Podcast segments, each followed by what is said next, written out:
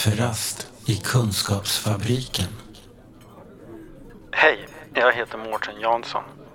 I dagens avsnitt ska ni få träffa Liv Zetterberg som forskat om öppen psykiatrisk tvångsvård, ÖPT.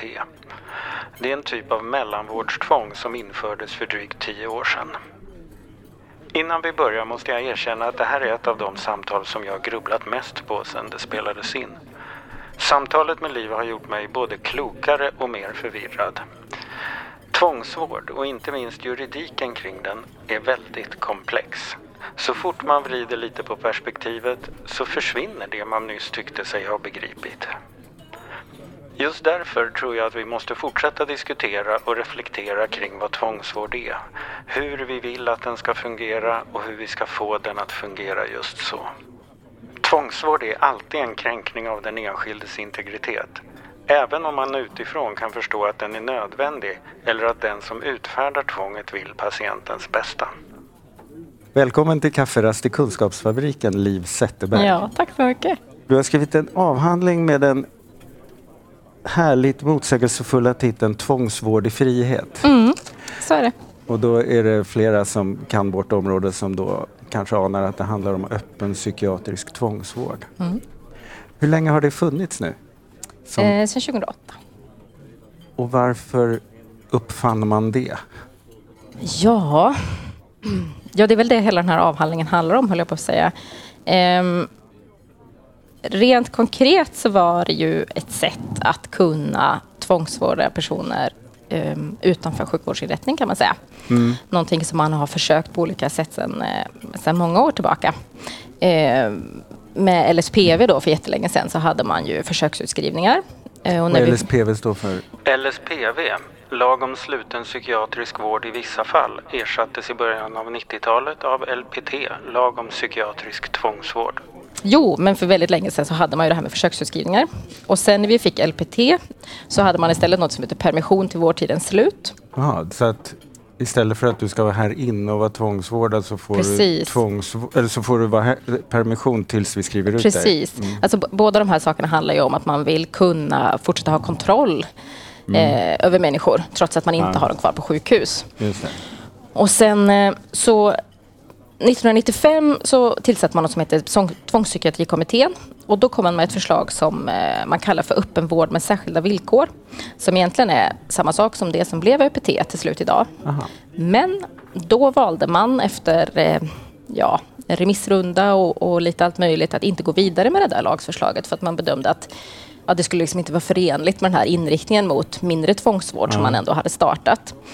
Och så, ja men som sagt så gick man inte vidare med det här förslaget. Men istället så ehm, år 2000 så ändrade man det till Eh, eller man ändrade permissionsbestämmelserna och eh, stramade upp det där för man såg ändå att det fanns ett problem i det här och då eh, fick man istället bara ge permission för enskilda tillfällen. Alltså man, tanken var då att man Aha. inte skulle... Inte sån här generellt till Nej, vårdtidens precis. slut. Men då satte man också då ett, eh, en ettårsgräns för de här permissionerna. Att man liksom inte skulle kunna fortsätta vara, eh, vara på permission i flera år. Nej, liksom, sådär. För det kunde, man, det kunde Det hända? kunde man vara, Ja. precis. Det var ju en del av den här problematiken som man Mm. såg. Ehm, och då, då argumenterade man liksom för att, att det här blev liksom inte rättssäkert att ha personer på tvångsvård men på permission i flera år. För, det. att, för att kravet var alltså I lagstiftningen så står ju då att man ska ha ett oundgängligt behov av psykiatrisk heldygnsvård För att vara för tvångsvårdad? att vara tvångsvårdad. Och det är svårt att se att man ska kunna vara på permission i flera år samtidigt som man uppfyller kravet på att ha ett oundgängligt behov av psykiatrisk Ja, det. heldygnsvård. Men Ja, du men behöver precis. inte vara här. Ja, nej, men nej, det- Mm. precis. Så där såg man att det fanns ett, ett rättssäkerhetsproblem. För i och med att man, man, man beter sig på ett sätt som liksom inte är okej enligt lagen så blir det svårt att, att överklaga och alla de här sakerna. det. Så det är ju som ett tydligt rättssäkerhetsproblem. Ja. Men är det, är det ett rättssäkerhetsproblem också för bägge parter egentligen? Ja, men det blir, alltså jag tänker Ja. att ett rättssäkerhetsproblem ligger eh, per definition liksom i, i, på hela så här samhällsnivå. Ja, man ska det. säga. Dels för den enskilde som hamnar i någon slags limbo. Ja, helt enkelt. men precis, jag är, tvångsvårdad men behöver inte vara på sjukhus men jag har fortfarande hela tiden en, jag är inskriven. men liksom. precis. Ja. Mm. Och uppfyller tydligen de här kraven samtidigt som jag inte gör det då eftersom Ja, jag inte är där. Så. Men hur som helst eh, så, så fick man då det här eh, permission endast för vissa avgränsade tillfällen eh, istället Mm. 2000. Eh, men så fortsätter man granska det här och man såg att det funkar inte alls. Man fortsätter använda permissioner på precis samma sätt som man har gjort förut. Och jag tror till och med att det var så att de ökade de långa permissionerna trots då de här intentionerna. Ja.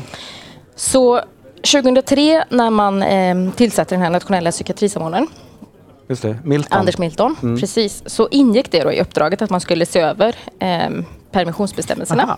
Mm. Och då var det bland annat att man, jag kommer inte ihåg den exakta formuleringen, men att man ville då pröva om man kunde hitta en tvångsvårdsform som skulle vara någon slags mellanvårdstvång Mm. då som man kallar det. Just det, som skulle radera ut den där rättsosäkerheten. Ja då. men precis. Och Men behålla förmågan att ha kontroll. Precis, ja. Eh, och kontroll i det här fallet då kan ju vara både positivt och negativt. Mm. Det beror ju på hur man ser det. Just det, det kan ju handla om att ha en förmåga att ge stöd. Ja, ja men absolut. Mm. Precis. Ehm, så det ingick då i uppdraget. Och i samband med det här så hände ju också det här med Anna Lind bland annat. Mm. Vi hade ju en hel rad eh, ja, men våldshändelser. Det var Anna Just det. Lind, det var Och det någon var som 2003 körde... allihopa, Ja, va? allihopa Mm. de här under några få månader egentligen. Vi hade någon som gick med ett järnrör på och i slog... Ja, precis. Och eh, körde bil i Gamla stan Ja. på gågatan. Anna Lind. Det var i alla fall väldigt mycket uppmärksammade händelser. Och uh, gemensamt för alla de här händelserna var att alla personer hade haft någon form av koppling till psykiatrin. I några fall var det så att man hade sökt hjälp men inte fått och så vidare. Ja. Och I andra fall var det att man hade nyss lämnat eller... Precis. Mm. Men det som blev det var ju att det i media framställdes det som att det här är liksom oberäkneliga psykiskt sjuka personer som går lös och gör som de vill. I princip. Ja men precis. Svängdörrar i psykiatrin Ja men absolut. Och det var då liksom ett, ett misslyckande både för så här, psykiatrireformen i allmänhet men också så här, psykiatrin som sådan. Mm. Och allt. Alltså det var väldigt, väldigt stort. Och det var liksom mitt i den här medialandskapet eller vad man ska kalla det som man då nationell psykiatrisamordning eh, eh, presenterade sitt slutbetänkande Ambition och ansvar. Ja, just- Och i det här så fanns då det här förslaget på det som blev öppen psykiatrisk tvångsvård. Och det är i princip eh, identiskt med det här förslaget som man la eh, 95 som då kallades öppenvård med Aha, särskilda ja, ja. villkor. Okej. Som man liksom lyfte fram igen Mm. och då röstade igenom. Och eh, den lite skeptiska skulle, säga att man har dammat av det. Ja, det skulle man kunna säga. Och, och det som är intressant här ju, är ju då att någonting har ju hänt mellan 95 och 2008 när det här För införs att 90 som gör att det är okej nu. Att det är okej nu. Och det är ju inte jättelångsökt att tänka att det handlar om att man är i ett medieklimat Mm. där det är okej. För, att, för att ett av argumenten då 95 var ju bland annat att nej men det här är inte... Alltså vi har en inriktning, en allmän inriktning mot, mot mindre tvångsvård. Och i det här så passar inte det här in liksom. Men nu 2008 så, Så gör det hade det. debatten blivit att nu handlar det mycket mer om samhällets säkerhet. Men absolut, precis. Och också tänker jag att det handlar om någon slags svar på ett, ett så samhälleligt krav att någonting måste göras. Alltså så här, eh, ett en policysvar på ett krav från allmänheten. Just det. Eh, och där är det liksom värt att säga att ingen av de här personerna som begick de här våldsbrotten hade kunnat vårdas enligt den här lagstiftningen. Nej. De- så att de det är inte överhuvudtaget det. Nej, Nej, precis. det. Det är överhuvudtaget egentligen inte relevant. Nej. Men när man tittar på policyforskning och så, så, så är det ju oftast så att men det handlar om att visa sig handlingskraftig, att ge ett svar på någon slags samhälleligt krav som inte nödvändigtvis måste motsvara liksom, det behovet som finns. En modern liknelse skulle kunna vara kommuner som förbjuder tiggeri även om de inte har några tiggare. Ja, nej men precis. Verkligen så här, Så här måla upp. Ja, men precis. Ehm, och då skulle man också kunna tänka då, för att vara lite rättvis, måste vi ändå tänka att, att när det här presenterades av eh, i Ambition och ansvar, eller eh, då 2006, så var det liksom också en del av en mycket större satsning på psykiatrin. Just det. Eh, så. Så att eh, det, det liksom också sk- skulle kunna framstå som, alltså för man la ju också väldigt mycket, det fanns stora ambitioner om man la pengar alltså sådär, på andra saker. Så det jag tror också att det framstod som en, liksom en del i en större satsning på psykiatrin på ett helt annat sätt.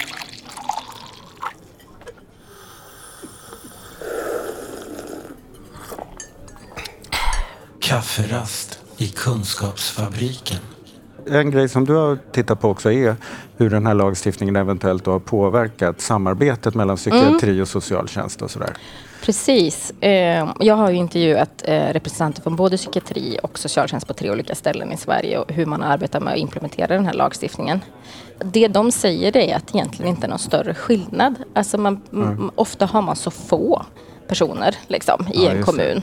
Så att man behandlar dem som vilka andra personer som helst som Mm. har liksom, behov av stöd. Oavsett om de är inskrivna under öppen Ja, psykiatrisk tvångsvård eller bara har ett behov av ja, stöd. Ja, men precis. Däremot så mm, när jag intervjuar då ehm, de här rep- representanterna från både kommun och eh, psykiatrin, de säger ju att det här har ju ofta förtydligat för att ehm, i den här lagstiftningen så finns det ett krav eh, som handlar om att man för att få ansöka om det här hos förvaltningsrätten så måste man ha en samordnad vårdplanering. Just det.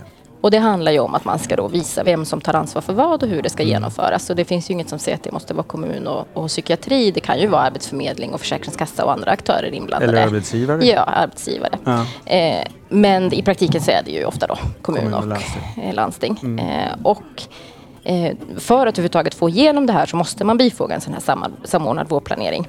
Och det gör ju i sig att man måste träffas. Alltså man måste Ja, faktiskt det. också prata ihop sig om någonting för att ha någonting att skriva i den där planen. Och för alla oss som har rört oss i kontexten kommun-landsting så kan ju det vara stort nog.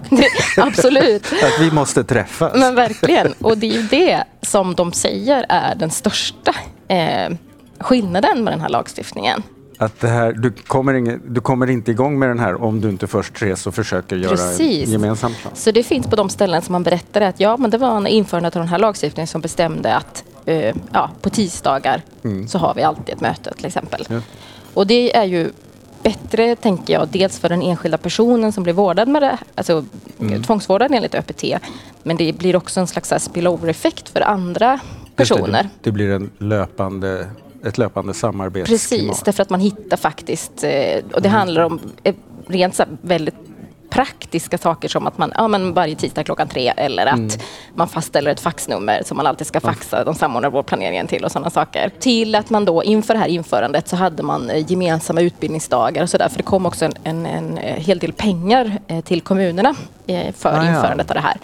Och då gjorde man på många ställen så att man hade gemensamma utbildningsdagar och sådär. Och det gjorde ju att man, eh, ja, man faktiskt fick ett ansikte på varandra, man fick träffas och så. Det. Så det handlar både om att man rent så här, konkret hittar så praktiska lösningar på problem som faxnummer och mötestider, men också att man lär känna varandra och hittar liksom, Så att det kanske i många sätt har varit en förvaltningsinspirerande lagstiftning. Ja, men det skulle jag nog... Alltså, I min avhandling så kallar vi det för en, en eller jag kallar det för en pedagogisk eh, eh, reform för vårdgivare. Liksom, att, att man eh, tvingar är- vårdgivare att samverka. Men är det liksom. då en, en pedagogisk lagstiftning för vårdgivare till priset av enskildas faktiskt Ja, eh, mängd av tvångsvård? det skulle jag verkligen säga. Ja. Alltså, det är ju ett högt pris som den enskilde får betala Mm. för samverkan. Och det finns ju ingenting som säger att det här inte skulle kunna funka utan att man blir tvångsvårdad.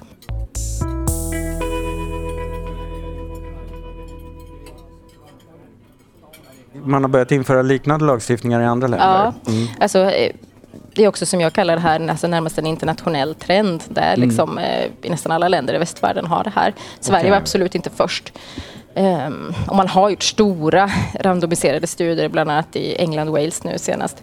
Och man, man ser ingen skillnad helt enkelt för patienterna. Och eh, att ha liksom en, att, vi- att tvångsvårda människor utan att det faktiskt hjälper dem, där det enda liksom plusset i kanten på något sätt är att, att kommun och landsting samverkar, det är ju, ja, men det är ju Ganska helt oetiskt. ja. Alltså, Mm. det, det ska man ju vara ärlig med att säga. Liksom. Men är det någon skillnad då för, för de här personerna, de som för jag gissar att det är ganska mycket samma personer som förr fick gå på såna här väldigt långa permissioner. Mm.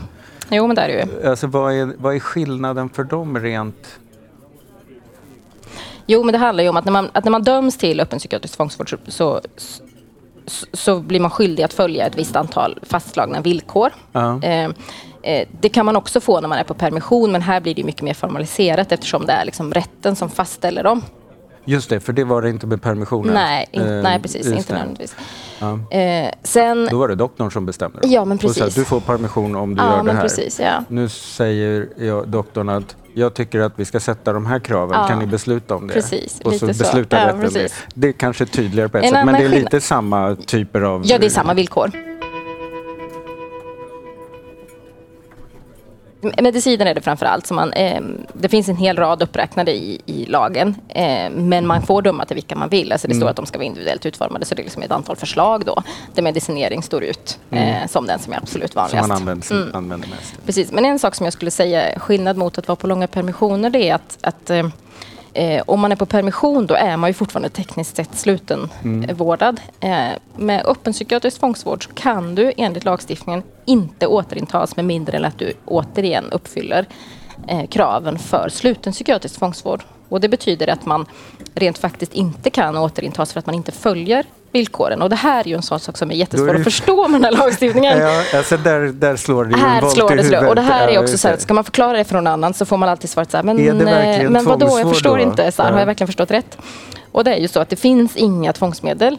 Så, Nej. man kan inte återintas, man kan inte ges medicin mot sin vilja och så vidare. och så vidare. Det finns ingenting som man kan göra. De här tvångs som, som avskiljning och så, det får man bara göra under sluten tvångsvård. Ja, just det. Sen hur det funkar rent praktiskt är en annan sak. Var Eh, består då tvånget? Ja, var i består då tvånget? Jag tänker att det, å ena sidan så finns det inget tvång. Å andra sidan så ska vi liksom inte underskatta eh, betydelsen av att staten säger till dig du måste göra så här. För det är, oavsett hur det ser ut i praktiken, ett ingrepp i Mm. Ja, en människas integritet. inte Och sen så finns det väl en hel del som talar för att det i eh, praktiken är så att man faktiskt återintar människor om man inte följer villkoren. Ehm, men det ska jag egentligen inte säga så mycket om för att det har jag inte Det studerat. behö- men men eh, det är en sak man kanske borde kika lite det på. borde man absolut kika på. Ehm, Sen kan det också Mm. vara så, finns det ändå forskning som stöder att man som personal inom psykiatrin inte alltid är så väldigt bra på att informera om det här utan att det är många patienter som tror att man kan bli återintagen om man inte följer villkoren.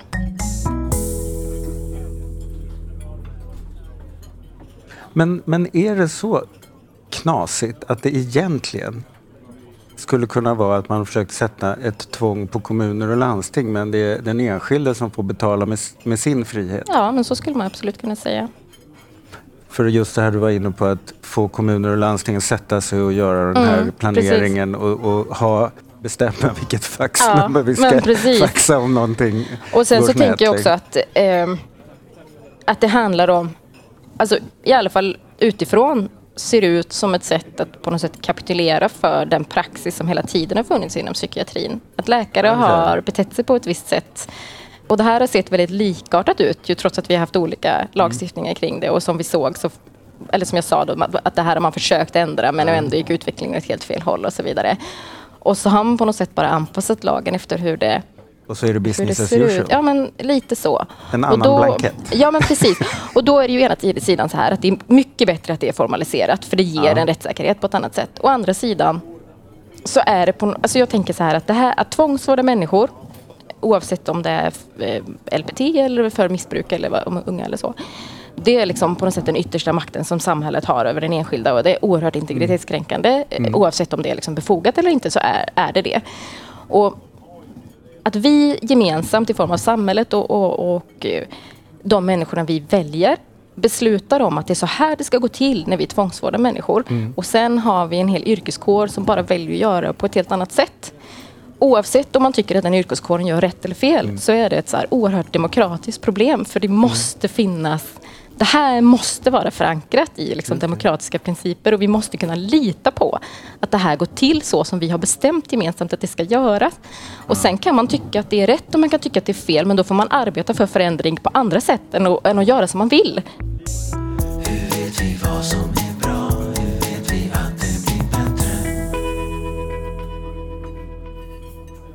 En, en viktig anledning till att man införde det här det var just det här med rättssäkerhet, att man ska pröva det i rätten och som en egen vårdform. Och då beslutar man ju också att, att de här em, besluten kring vilka särskilda villkor man ska kunna ge patienten, den ska tas av rätten. Och det är också en del av att, att det ska vara liksom det allmänna som avgör vad som kan inskränkas liksom, i ditt liv. Eh, och då har vi studerat alla förvaltningsrätter eh, som fanns vid den tiden. Eh, dåvarande länsrätter i Ja, Sverige. just det. och det man kan se det är att i jättemånga fall så överlåter man slentrianmässigt till läkarna att säga. Alltså rätten har en, form, en, en allmän skrivning i sina, i sina domslut som är så här. Och rätten överlåter till eh, behandlande läkare eller ansvarig läkare att avgöra Sätta villkor. villkoren. Trots att det här då är liksom en av de sakerna man lyfter fram med att, att, att det det här ska vara... Ja men precis. Är Att för den enskilde så är det här viktigt. Och det är ännu mer business as usual. Och dessutom så till exempel vissa förvaltningsrätter har som regel att man sätter upp så här eh, förbud mot att ta alkohol till exempel. Mm. Och det behöver inte alls ha något med att göra om man faktiskt har problem att dricka alkohol eller inte. Och, eller alltså så här, att man har slentrianmässiga beslut om vissa Mm. saker. Och det kan man tycka så här, att det är ingen stor grej. Men det är en stor grej. För att det är alltid en stor Mm. Det är en grej inskränkning. när man inskränker människors frihet. Om det är så att min dotter råkar ha ett, ska gifta sig den här gången, veckan, Ja, men precis. så är det faktiskt rätt fräckt att säga att du får inte dricka alkohol. Nej, precis, för, det har för det har någon doktor bestämt. bestämt, liksom. ja. utan att ens kolla om det är viktigt. Precis. Eh, Så det är liksom också ett, ett stort problem kan jag tycka. Därför att det urholkar ju hela intentionen med lagstiftningen Ja. också.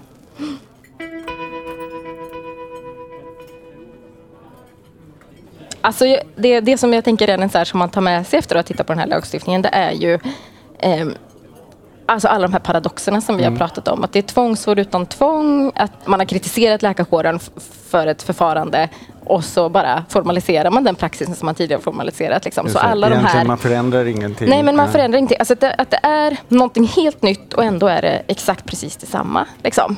Så det är väl en sån här, alla de här... Eh, Det, det, det är ju en otäck formulering för det, det känns ju, man får ju en känsla av att ganska mycket i vårt samhälle när vi ska gå in och förbättra Ja, så tänker vi nu, nu gör Ja, vi något precis. helt nytt, Ja, likadant som ja, förut. Exakt likadant som förut.